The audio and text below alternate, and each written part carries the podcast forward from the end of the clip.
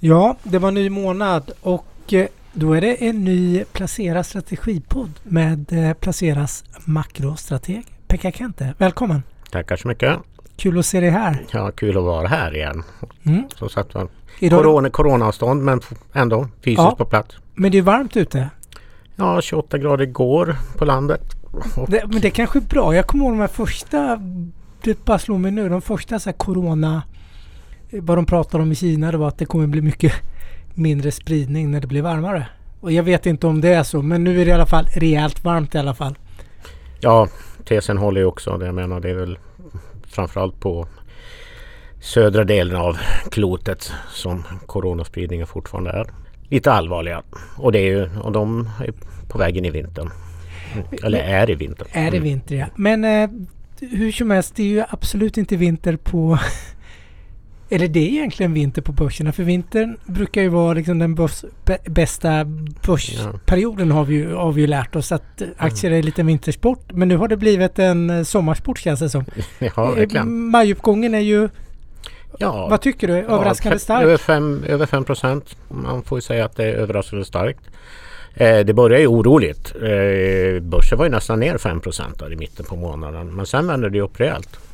Och jag tycker det är ganska kul för att det, nu är det min tolkning av det, men, men när man började, började spekulera kring att ekonomin skulle öppnas upp igen så, så eh, upplevde jag att marknaden blev lite nervös. Oj, det är risk för bakslag.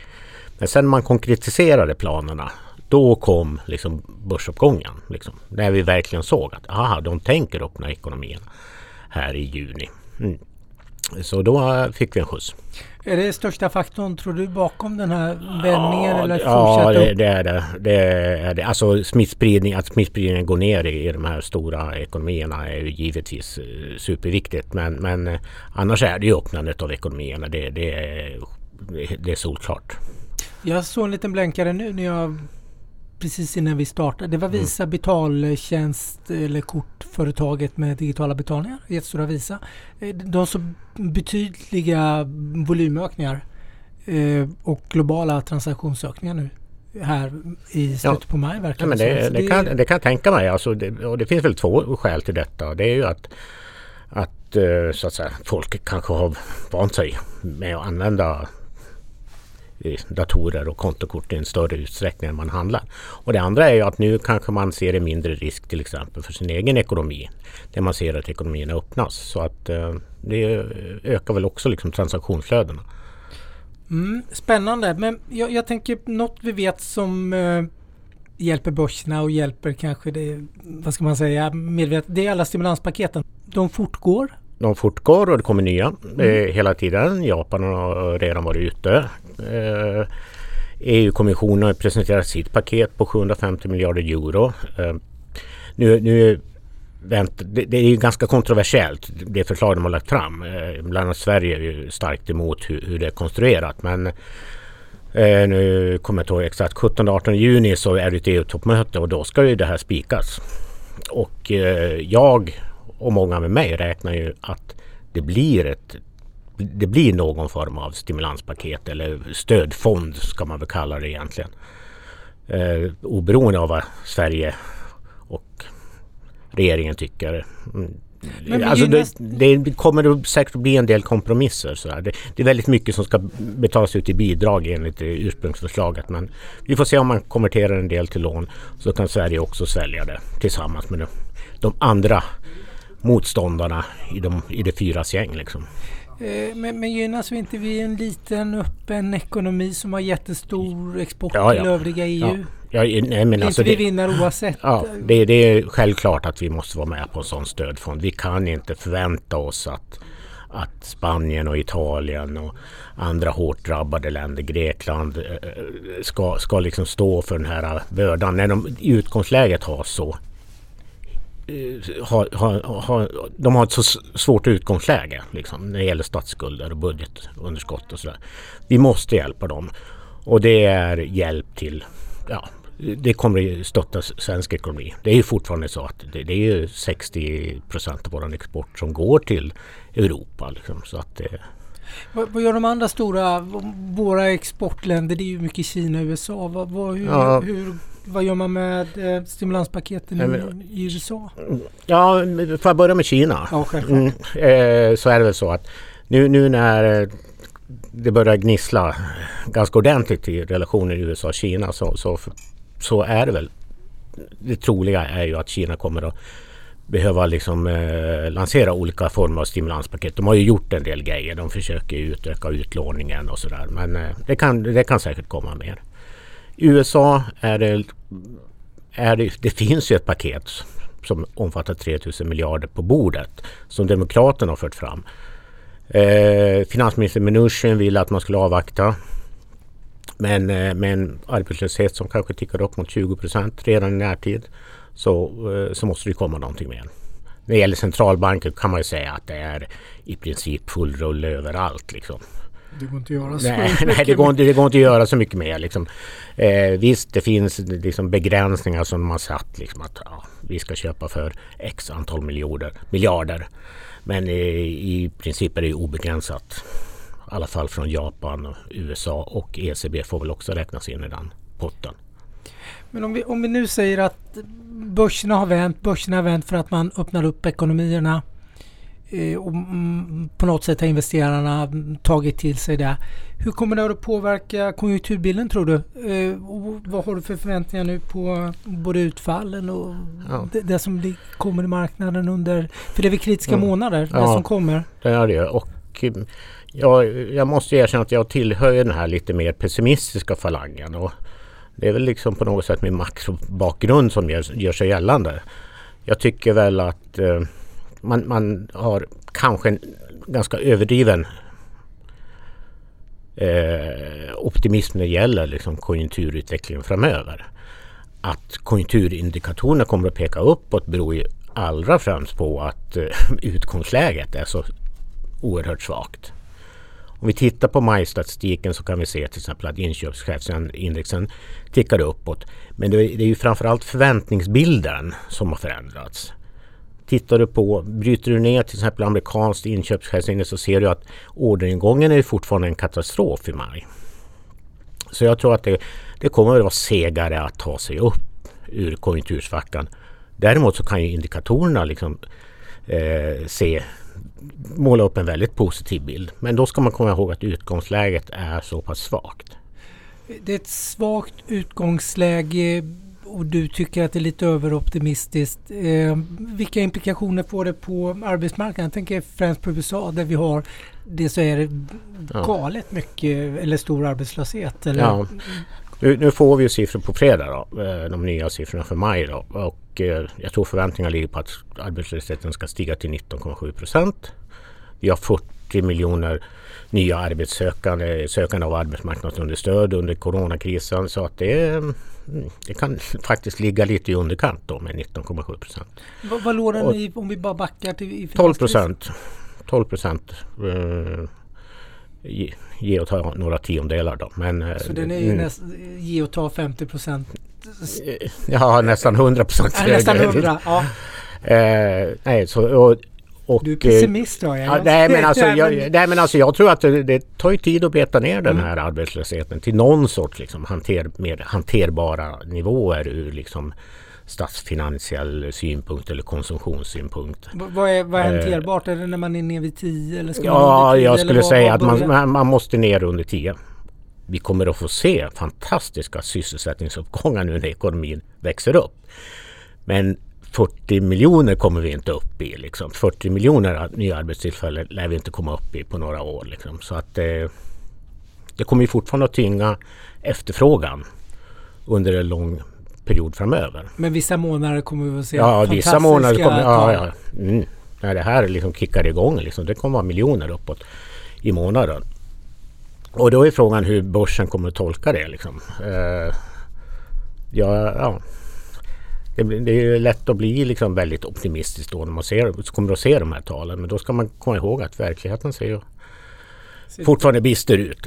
En, en eh, sak som har slagit mig nu sista sista veckan kanske, eller veckorna, men särskilt senaste veckan nu, det är att otroligt stora eh, Ja, gillar man kronan så får man väl säga positiva kronrörelser. Det är ju en halv procent om dagen vissa dagar nu som den ska man säga, äter dollar eller ja. vad man får säga nu. Hur, eh, hur är det möjligt? Hur ser du på det? Ja, för det första, vi, vi, kan konstatera som vi tidigare gjort i någon podd liksom att 23 mars så bottnade den svenska kronan samtidigt med börsen. Så det är ju ett ökat, en ökad riskaptit som driver på det här. Först och främst. Och det ser vi ju inte bara på svenska kronan utan det ser vi på att många andra småvalutor också gått bra. Svenska kronan har dock gått lite extra bra ska sägas. Det är väl lite på och, tiden? Ja, ja verkligen. Och, och, sen är det väl sånt som, som eh, vi har ju helt andra statsfinansiella förutsättningar till exempel om man ska titta långsiktigt. Vi har eh, fortfarande överskott i till exempel i bytesbalansen. Det ska ju också vara positivt. Kronan anses vara undervärderad. Men en viktig faktor kan ju också vara att kapital har sökt sig till, till Sverige eh, när man helt enkelt ser att man får ett momentum i både kronan och börsen samtidigt. För räknar vi in kronförstärkningen så är ju den svenska börsen som i, ja, i, har, har, som egentligen har gått ungefär lika starkt som den amerikanska när man tittar på nivåerna. Mm. Men räknar du in kronförstärkningen så har den gått 5-6 procent bättre. Så att det är väl klart att det flödar in kapital.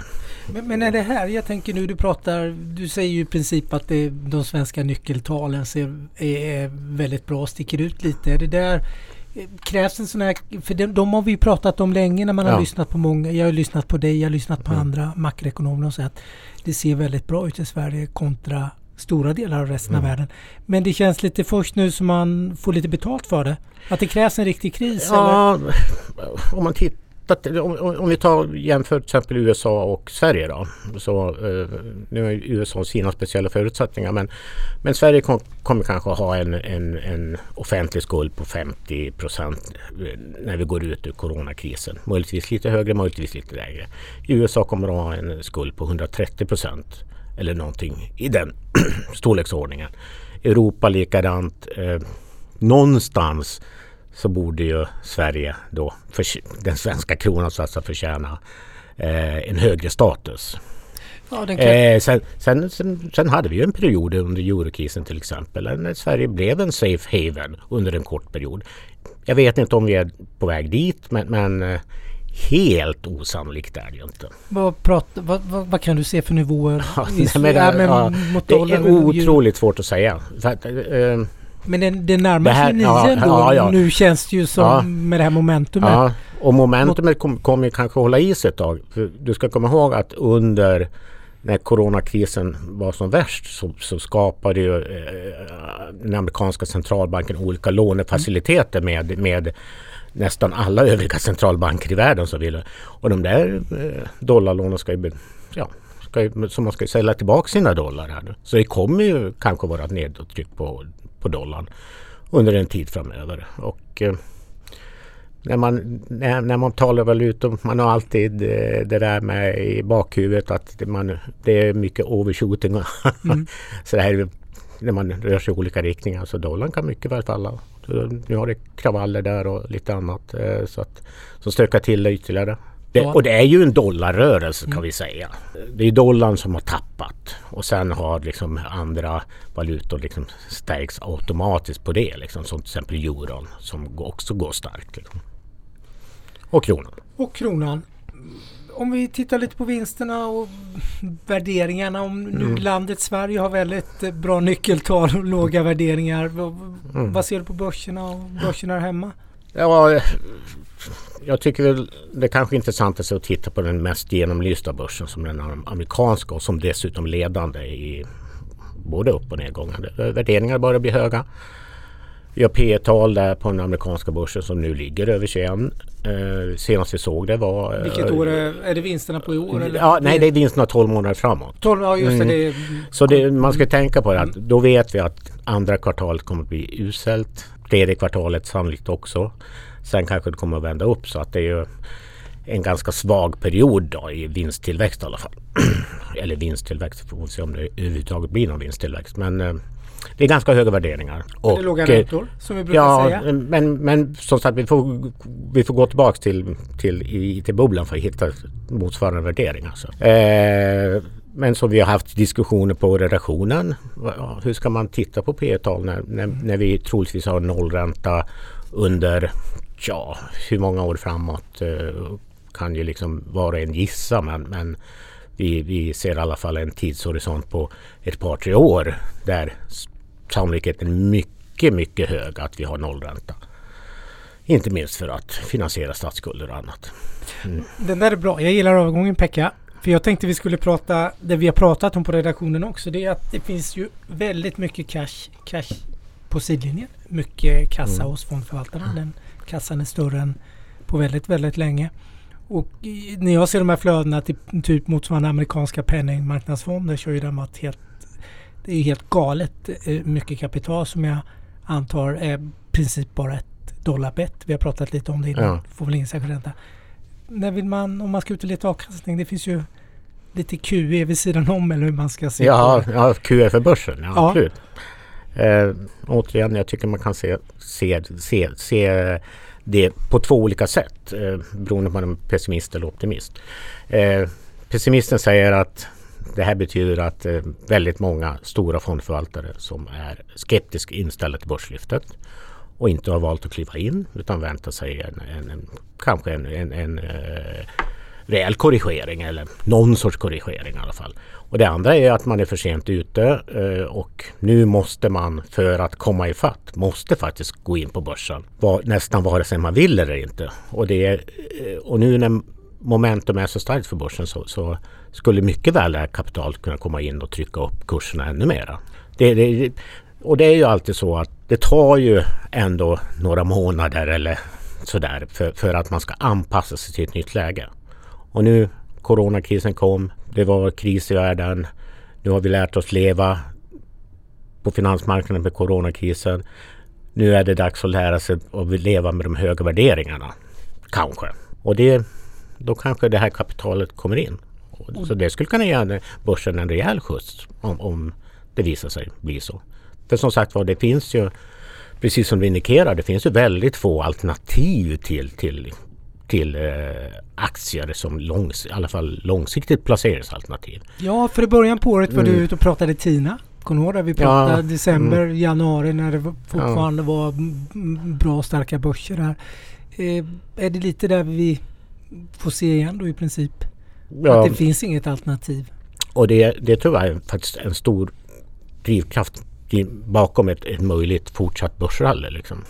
Om, jag är lite mer, om jag är lite skeptisk till konjunkturen, att, att det finns en överdriven optimism, så är det ju det här att var ska kapitalet söka sig? Dollarn var ett jättebra bett länge.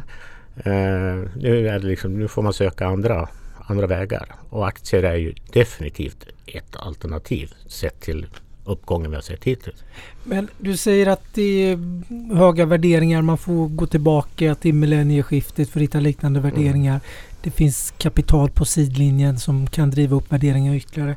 Vad ser du för stora hot mot börsen framöver? Jag menar eh, kort sikt eh, definitivt eh, att, att, vi får ett eh, bakslag när det gäller smittspridningen. Det kommer nu Någonstans, ett nytt kommer det nytt. Eh, vi har kravallerna i USA eh, som visserligen är övergående men kan sätta någon sorts vad ska jag säga, avtryck i den politiska agendan. Alltså Trump är ju lite oberäknelig. Och han har inte gjort ett snyggt jobb hittills när, när det gäller att vara en statsman och försöka lugna ner utan tvärtom så har han eldat på. Han eh, ska han vara konspiratoriskt lagd så försöker han upprepa det Nixon gjorde 68. Att, eh, då, då var det stora kravaller och Nixon vann över Humphrey nu kommer jag inte, ja, nu kommer jag inte ihåg vad han heter. Men eh, trots att han var liksom republikan och republikanerna var lite skyldiga. Men, men då samlades ju kärnväljarna och Trump kanske försöker upprepa samma sak igen. Eh, vad vet jag. Men hittills har han i alla fall inte försökt gjuta olja på vågorna utan tvärtom. Så att det, det får vi se. Eh, sen är det ju den här eh, nästan ständigt pågående konflikten mellan USA och Kina. Ja, den har ju mm. växt till sig lite igen ja. får man väl säga. Mm. Styrkan nu känns det som med Hongkong lite i epicentrum. Ja, Hongkong och sen har ju Kina då bestämt sig för att inte har ju stoppat importen av jordbruk, en del jordbruksprodukter, i alla fall minskat inköpen och sådär. Vilket betyder ett brott mot uh, handelsavtalet. ja, vem vet vad det, hur det kan utvecklas. Liksom. Men det är väl de här kortsiktiga hoten som man ser. Liksom. Långsiktigt är det mer så här liksom att aha, konjunkturen visar sig inte vara bli så stark som vi hade hoppats på. Liksom. Vi, vi, famlar, vi famlar fortfarande, i alla fall jag, famlar fortfarande i mörkret. Liksom. Hur ser, det, hur ser liksom normaltillståndet ut efter coronakrisen? Men det här känns ju mm. som det de frågorna du frågar efter känns ju som det kanske tar både tre, fyra månader i min värld innan man får några svar på i statistiken, tänker jag. Eller tror mm. du att det går snabbare än så att se hur snabb återhämtningen är eller vart vi är på väg? Eller? Nej men nu är det ju så att nu, nu kommer ju den här sommarstatistiken som alltid stökar till det lite grann. Orkansäsongen är på ingång och lite annat. Så det kommer ju vara lite stökig statistik. Men, eh, nej, men alltså, vi kommer att få en bekräftelse av att konjunkturen stärks. Men styrkan kommer vi inte att se förrän egentligen när vi går in i hösten. Hur stark blev den här återhämtningen och hur kan den fortsätta? Hur tänker företagen investera? Hur tänker de nyanställa eller återanställa? Eh, det kommer att dröja.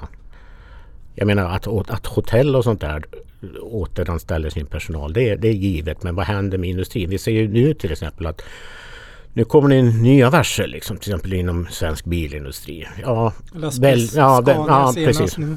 Det är väldigt många företag som har liksom permitterat eh, och försökt överleva. Och kommer inte deras efterfrågan tillbaka så måste de ta drastiska beslut. Och tittar vi på konjunkturindikatorer som konjunkturbarometern och sådär så, så ser det inte särskilt ljust ut på arbetsmarknaden. Liksom. Om vi tittar från en svensk horisont. Alltså.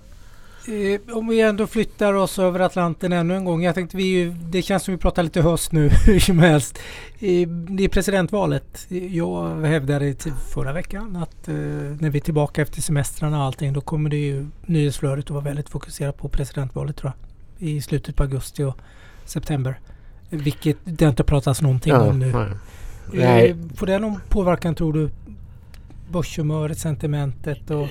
Ja, eh, det, det kommer det få. Man får ju säga att Trump är ju trots allt då, eller har hittills varit börsens president. Och det får man ju förmoda att han skulle fortsätta att vara. Och nu har det ju blivit väldigt jämnt i, i hur ett, ett presidentval mellan Biden och Trump kan gå. Mm. Och jag tror att om inte Trump gör bort sig alldeles här under kravalltiden så, så kommer jag, en vinst för honom att vara positiv på börsen. Du drar din parallell 68. Bara för de som inte är lika gamla som du och jag Pekka. Det var väl egentligen Vietnamkriget man ja, protesterade mm, mycket emot bara yes, för att mm. de, un, un, de unga där ute ska förstå vilka kravaller vi pratar om. Mm. Men de var ju massiva och det var över hela landet även ja. den gången som vi ser idag. Jag tänkte en joker i leken som du har nämnt, många pratar om. Det har inte varit så mycket prat om det sista veckan men det är vaccin. Mm. Är, det en, är det en joker liksom som... Är det säkert att det blir jättebra för börsen? När det väl kommer? Jag, jag vet inte. Jag lyfter eh, frågan. Det är ju bra för mänskligheten men... Ja, jag tror att det kommer vara bra för börsen. Men, men du kan ju tänka dig vilka spekulationer kommer bli kring liksom, vilka är det som ska få del av det. Vem är det som ska styra liksom, tilldelningen? Eh, det är klart alla liksom, smittskyddsläkare och andra säger ju liksom att men det är klart att vi måste ge det till vårdpersonalen och de som är i utsatta grupper. Men, men om eh, länder börjar hårda sina egna vaccin liksom, som Trump till exempel om vi åter kommer in på honom hävdat att ja, USAs befolkning ligger först i hand. Då kan det bli ett jädra rabalder liksom. Ja, för det ska ju mm. produceras miljarder ja. vaccin. Alltså vi pratar ju inte miljoner, vi pratar Nej. ju... Ja, det, det... Men däremot var WHO, ute och pratade om att, att eh, nu såg du chansen att få ett vaccin innan, uh, innan årets slut ganska bra ut. Men det är, som sagt, det är svårt att, att dra den där vaccin historien alldeles för långt. Vi såg eh, det här amerikanska bolaget som kom eh, och, och som hade så positiva resultat. Liksom börsen rallade på det. Ja, nu häromdagen så ja, visade det sig att det inte hade gått så bra för, för det vaccinet. Liksom. Så att det, det är liksom vilken känsla man har. Varken du eller jag eller Tegnell har en aning om hur det går med det där. Liksom. Men det är men absolut en jokerleken. Alltså det, Men nu kortsiktigt, nu har, vi, nu har vi landat långt borta i höst känns det mm. som presidentvalet i början på november och så vidare. Men vad, vad gör du nu? Hur ser du närmaste månaden nu? Vad, hur agerar du? Hur tycker man? kokar det ner till? Ja, nej, men för mig kokar det ner till en ganska försiktig strategi. Liksom att, att, eh, visst, det hade varit jätteroligt om vi hade varit mer optimistiska inför, inför maj. Men vi tyckte ju att eh, när, när börsen gick ner där så, så tyckte vi att våran bild bekräftades. Sen vände det fort.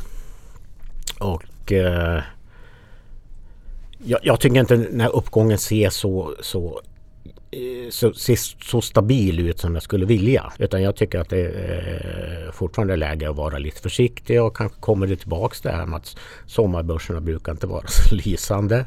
Eh, vi har ett halvårsskifte. Eh, många placerare som ska eh, inte stänga böckerna men i alla fall ska redovisa. Låsa, hem, låsa, hem, lite vinst. låsa in lite vinst. Mm. Det finns lite tveksamheter. Kravallerna i USA som sagt som vi har varit inne på. Ja, jag, jag tycker inte man ska springa iväg och sälja allting. Men, men, men det har lugnat ner sig? Det har lugnat, det har lugnat ner sig. Och börsuppgången har gått så oerhört fort. Vi har en börsnedgång i Sverige på 5% i år trots coronakris, trots en total eh, liksom, stopp i världsekonomin nästan.